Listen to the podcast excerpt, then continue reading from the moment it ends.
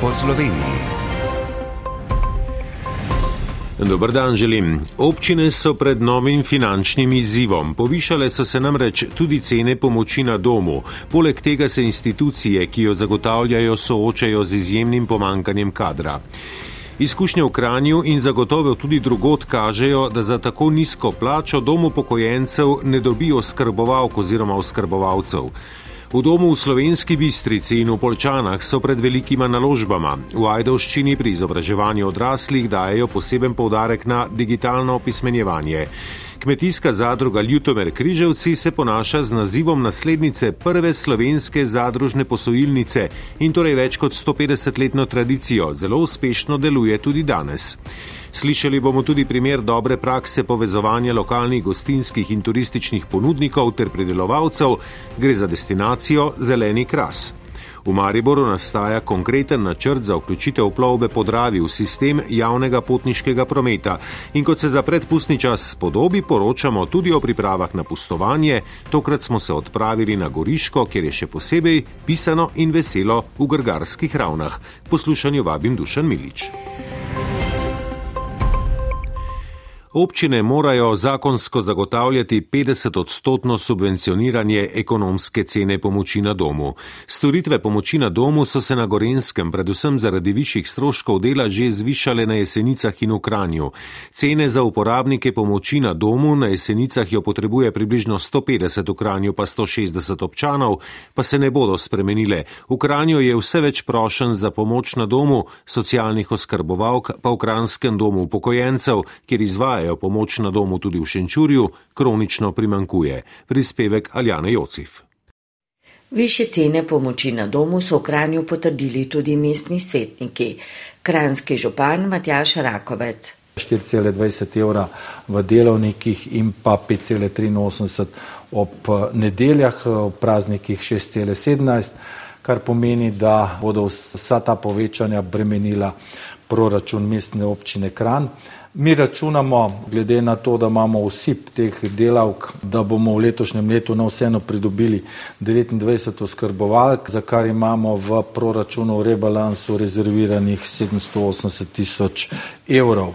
Sofinansiranje občine za pomoč na domu je torej zagotovljeno, a žal kadra ni dovolj, število prosilcev za pomoč na domu pa narašča. Direktorica Kranskega doma upokojencev Nadja Gantar predvsem tudi zato, ker nam je v lanskoletnem letu tretjina oskrbovalk odšla, predvsem za osebne asistente, ker je pač plača višja, se pa trudimo zadovoljiti tiste najbolj potrebne pomoči. Na območju Kranske mestne občine ima zdaj pomoč na domu zagotovljeno 160 občanov, za nje skrbi 21 oskrbovalk, kar pa ne zadostuje.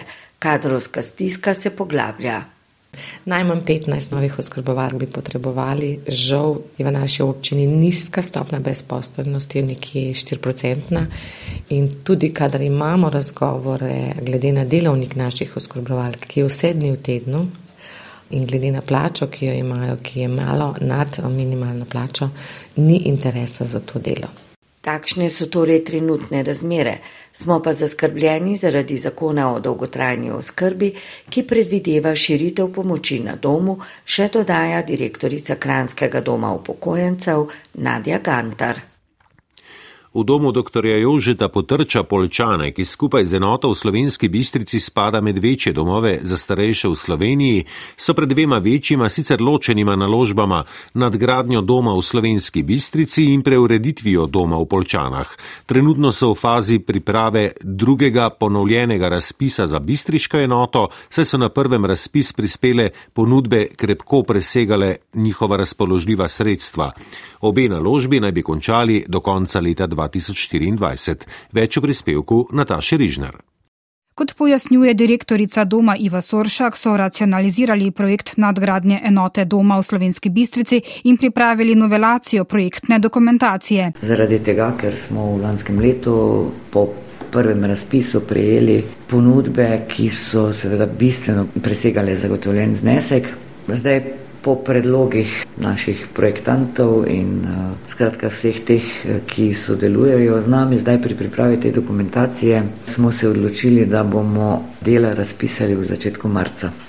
Na prvem razpisu je namreč najugodnejša prispela ponudba bila vredna 7 milijonov evrov, od države pa imajo zagotovljenih 4,2 milijona evrov. Marca naj bi objavili ponovni razpis. Potem bi se zdeli lahko začelo tam najkasneje v septembru končal bi se pa projekt tam nekje do konca leta 2024. Še pove Soršakova. V enoti v Slovenski bistrici trenutno živi 124 stanovalcev, z nadgradnjo doma jih bo 200. Na čakalni listi je sicer 319 prosilcev, kar pomeni, da bodo tudi po tej naložbi potrebe še vedno presegale razpoložljive kapacitete doma. Tudi za projekt preureditve doma v Polčanah imajo zagotovljena državna sredstva in sicer 3,5 milijona evrov. Delamo projektno dokumentacijo za izvedbo gradnje. Ta dokumentacija računamo, da bo končana tam nekje do konca februarja, mogoče začetek marca, potem bi pa tudi za Polčane šli v razpis nekje do konca marca računamo. Rekonstrukcija, da zadava in obnova doma Polčane pa zajema obnovo obstoječih kapacitet v stanovanskem delu doma. Tako da tam bomo izboljšali pogoje bivanja in tudi pogoje dela. Je zaključila direktorica Iva Soršak. Občina Ajdovščina del sredstev iz občinskega proračuna vsako leto nameni izobraževanju odraslih. Tudi letos je rezervirala 70 tisoč evrov za vrsto različnih vsebin, ki jih v okviru letnega programa izobraževanja odraslih pripravlja Ljudska univerza Ajdovščina. Tokrat bodo v spredju zelene, trajnostne in digitalne vsebine. Karin Zoran Čebokli. Letni program izobraževanja odraslih odgovarja na pereče potrebe prisotne v lokalni skupnosti. Ena od teh je dvig digitalnih kompetenc, direktorica Ljudske univerze Ajdovščina Eva Mermolja. S programi za dvig digitalnih kompetenc želimo vsem odraslim v občini Ajdovščina omogočati, da imajo dovolj znanja, s katerimi bodo lahko dejavno se vključevali v današnjo družbo. Največji izziv je opismenevanje tistih, ki nimajo niti osnovnih znanj. Prav zato jih najprej naučijo brskanja po spletu, oblikovanja elektronskega naslova in uporabe spletne pošte. Potem pa, ko nekako to fazo osvojijo, je zelo pomembno, da se odrasle usposobi do te mere, da so sposobni uporabljati različne aplikacije, ki jim omogočajo dostop do e-storitev, od e-bančništva, e-nakupovanja, e-zdravstva, zdravja in prav je, da so dostopne vsem, kajti na ta način bodo vključeni in hkrati jim bo njihovo življenje olajšano. Ponujajo še programe za dvig jezikovnih kompetenc, izobraževanja z področja pridelave in predelave sadja, zelenjave ter zelišč, nekaj programov pa temelji na medgeneracijskem povezovanju. Zelo pomembno je, da so ti programi po eni strani brezplačni, hkrati pa marsikateri program ne izvajamo samo v Ajdovščini, ampak tudi v okoliških krajih in vseh in na ta način zagotavljamo večjo dostopnost za teh programov res vsem. Direktorica Mermolja dodaja, da je za programe, ki potekajo celo leto, veliko zanimanja po Sloveniji. Kmetijska zadruga Ljutomer Križevci je pravna naslednica prve slovenske zadružne posojilnice, ki so jo pred pol drugim stoletjem ustanovili v Ljutomeru. Lani smo tako praznovali 150-letnico zadružništva na slovenskem, v Ljutomersko-Križevski zadrugi pa so še posebej zadovoljni tako s pozitivnim poslovanjem kot s pomembnimi naložbami. Iz Prlekije Lidija Kosi. Med 60 članicami Zadružne zveze Slovenije je tudi kmetijska zadruga Ljutomer Križevci, ki združuje skoraj 200 članov, še enkrat toliko je drugih poslovnih partnerjev, pravi direktor Slavko Petovar.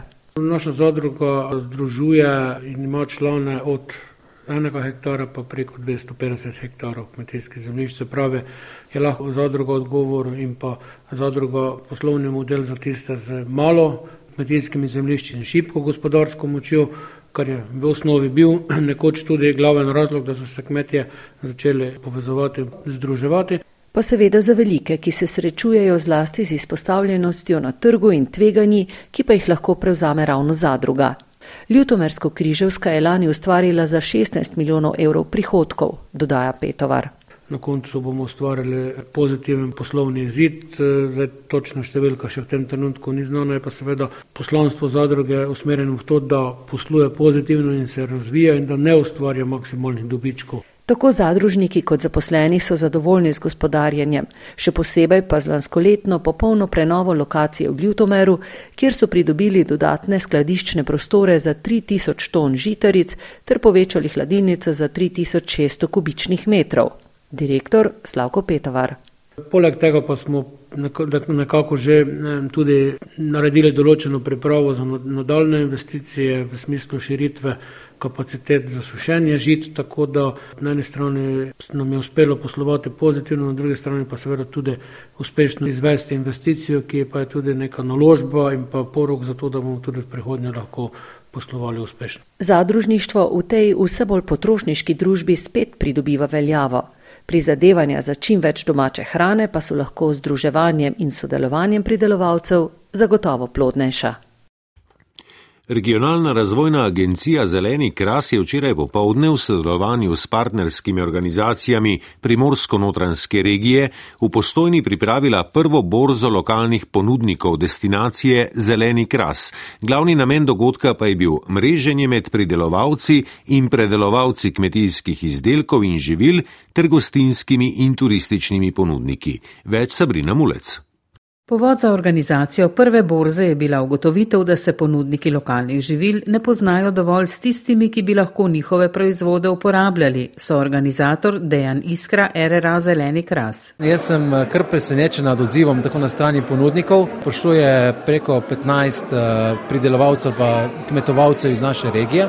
Zadovoljen sem, ker pa še tudi dve domači trgovini, ki dejansko združujejo še širšo ponudbo kot samo to, kar je izbrana. In istočasno sem predvsej zadovoljen tudi z obiskom na drugi strani, torej z gostinci iz naše regije, ki so prepoznali potencial v bistvu v tem povezovanju. Na dobro udeležbo je bila presenečena tudi vodja organizacijske enote Turizem, ki deluje v sklopu postojnskega zavoda znanje Špela Peric, vendar pa. Še vedno vidim zelo dosti potencijala od ostalih, ki bi lahko prši so kakšne šole, morda. V gostilni prizor Rotlerju Zbuj že sodelujejo z nekaj lokalnimi ponudniki, a so se z veseljem udeležili tudi borze. Mojmir Lončarič. Povezovanje je zelo pomembno, ker eh, dosti stvari spoznaš v živo najboljše. Ne? Ker vse, kar je, bi rekel, da gledamo po računalnikih, ni ta prava reklama. No? Najboljša je v živo. Ekokmetija Gerbec iz Lipsenja nudi kozje izdelke, pa tudi prenočišča. Mateja Gerbec pravi, da je dogodek za nje zanimiv. Da se predstavimo, da nas ljudje spoznajo, da vidimo tudi nove možnosti, kaj lahko še naredimo in se izboljšamo. Ekokmetija Gruden iz Šmihela pod Nanosom pa se ukvarja z vzrejo in predelavo krškopolskih prašičev, brez kemije po recepturi prednikov, pravi Liljana Gruden. Te mesnine imajo kratek rok trajanja, zaradi tega se morajo tudi hitro obrniti.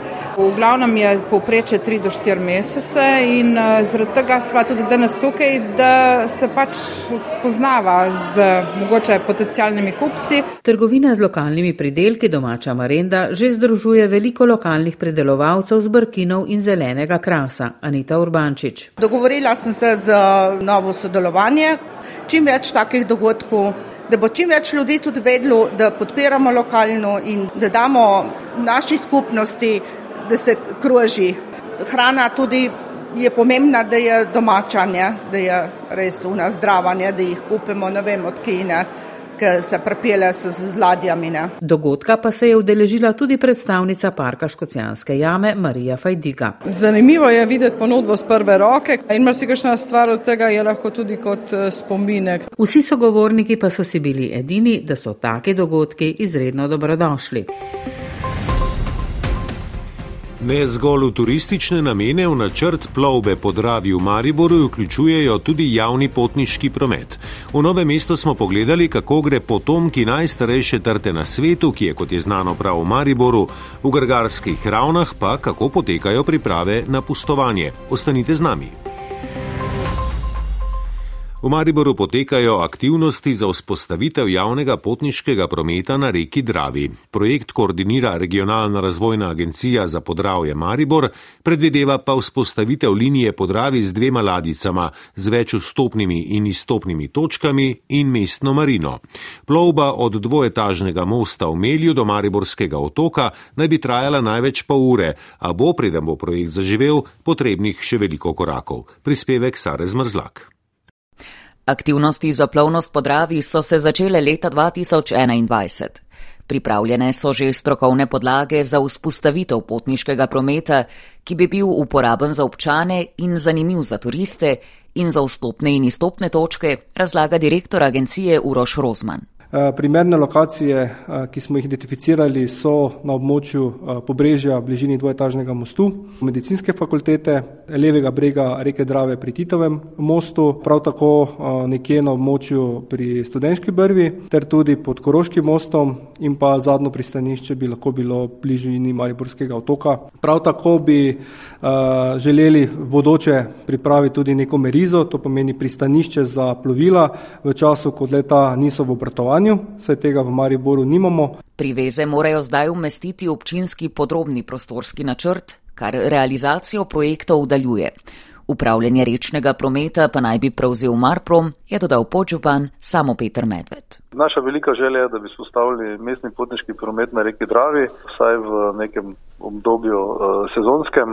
Uh, žal tega brez privezov in ustrezne infrastrukture in seveda tudi sprejete ustrezne uredbe plovnosti uh, ni možno, uh, vendar uh, ne glede na to, mi, mi delamo na, te, na tem in velik cilj je, da s tem mandatu to tudi spostavimo. Razvojna agencija je za strokovno podlago namenila okoli 40 tisoč evrov. V središču novega mesta prav zdaj poteka tradicionalna res potomke vinske trte z Mariborskega lenta. Potomko najstarejše trte na svetu so v dolenski prestolnici posadili pred štirimi leti, tradicionalno pa je ob navzočnosti vodstva občine in vinogradnikov obrežejo na god svetega Valentina. Novomeški mestni viničar Peter Korene. Potomka trte z lenta se je zelo dobro prijela, kljubuje pozebi vročini in toči. Lani je za pokušino rodila nekaj grozdov. Če bo narava prijazna, pa pričakujem, da bomo v jeseni imeli tudi uradno trgatev v samem središču novega mesta. Priprave na pust so že v polnem teku, tudi na Goriškem, kjer pa so dopoledne v čast 30-letnici pustovanja v Grgarskih ravnah odprli tudi razstavo. Fotografije pustarjev z Banške planote, ki se jih vsako leto zbere med 30 in 40, krasijo avlo novogoriške občinske palače. V soboto pa se jih bo na tem koncu tudi slišalo. Na odprtju je bila Eva Furlan. Moja vloga bo v vlogi pustarke, Um, v bistvu to sem že nasledila od brata, od tatu, od strica, tako da imamo to že v krvi od majhnega. Tako pove 23-letna Polona Pičulin, ki na pustno soboto obleče opravo prišito s pisanimi resicami iz blaga, si na glavo povezne visok z rožami iz papirja ali blaga okrešen klobuk, v rokah pa drži dolge klešče, s katerimi pustar največkrat lovi otroke. Strah, da bi se zdaj že 30-letna neprekinjena tradicija izgubila, je odveč, pove predsednik turističnega društva Kuk Grgarske ravne bate Joško Pičulin.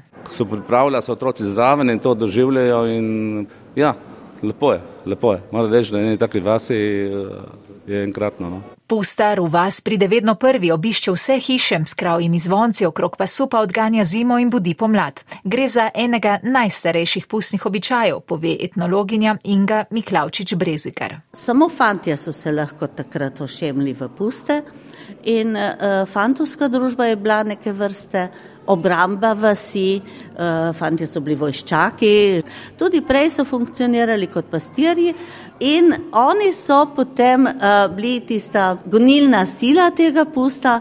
Pustovanje Grgarske ravne bate je leta 2021 postalo tudi uradno pustovanje Novogoriške občine. Svojo vlogo pa naj bi imelo tudi v času Evropske prestolnice kulture, župan Samo Turel. Kulturna dediščina, posebej taka posebna, na katero smo posebej ponosni, je prav zagotovo lahko del tega spremljajočega dogajanja. Župan ne izključuje, da se ne bi vsaj do leta 2025 tudi sam preoblekel v pustarja.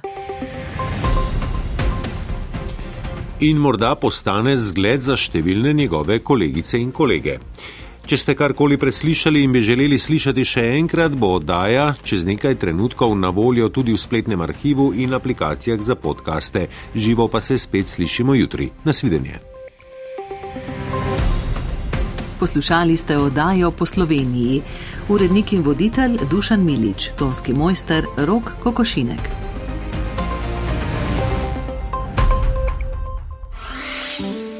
Alpinizem, plezanje,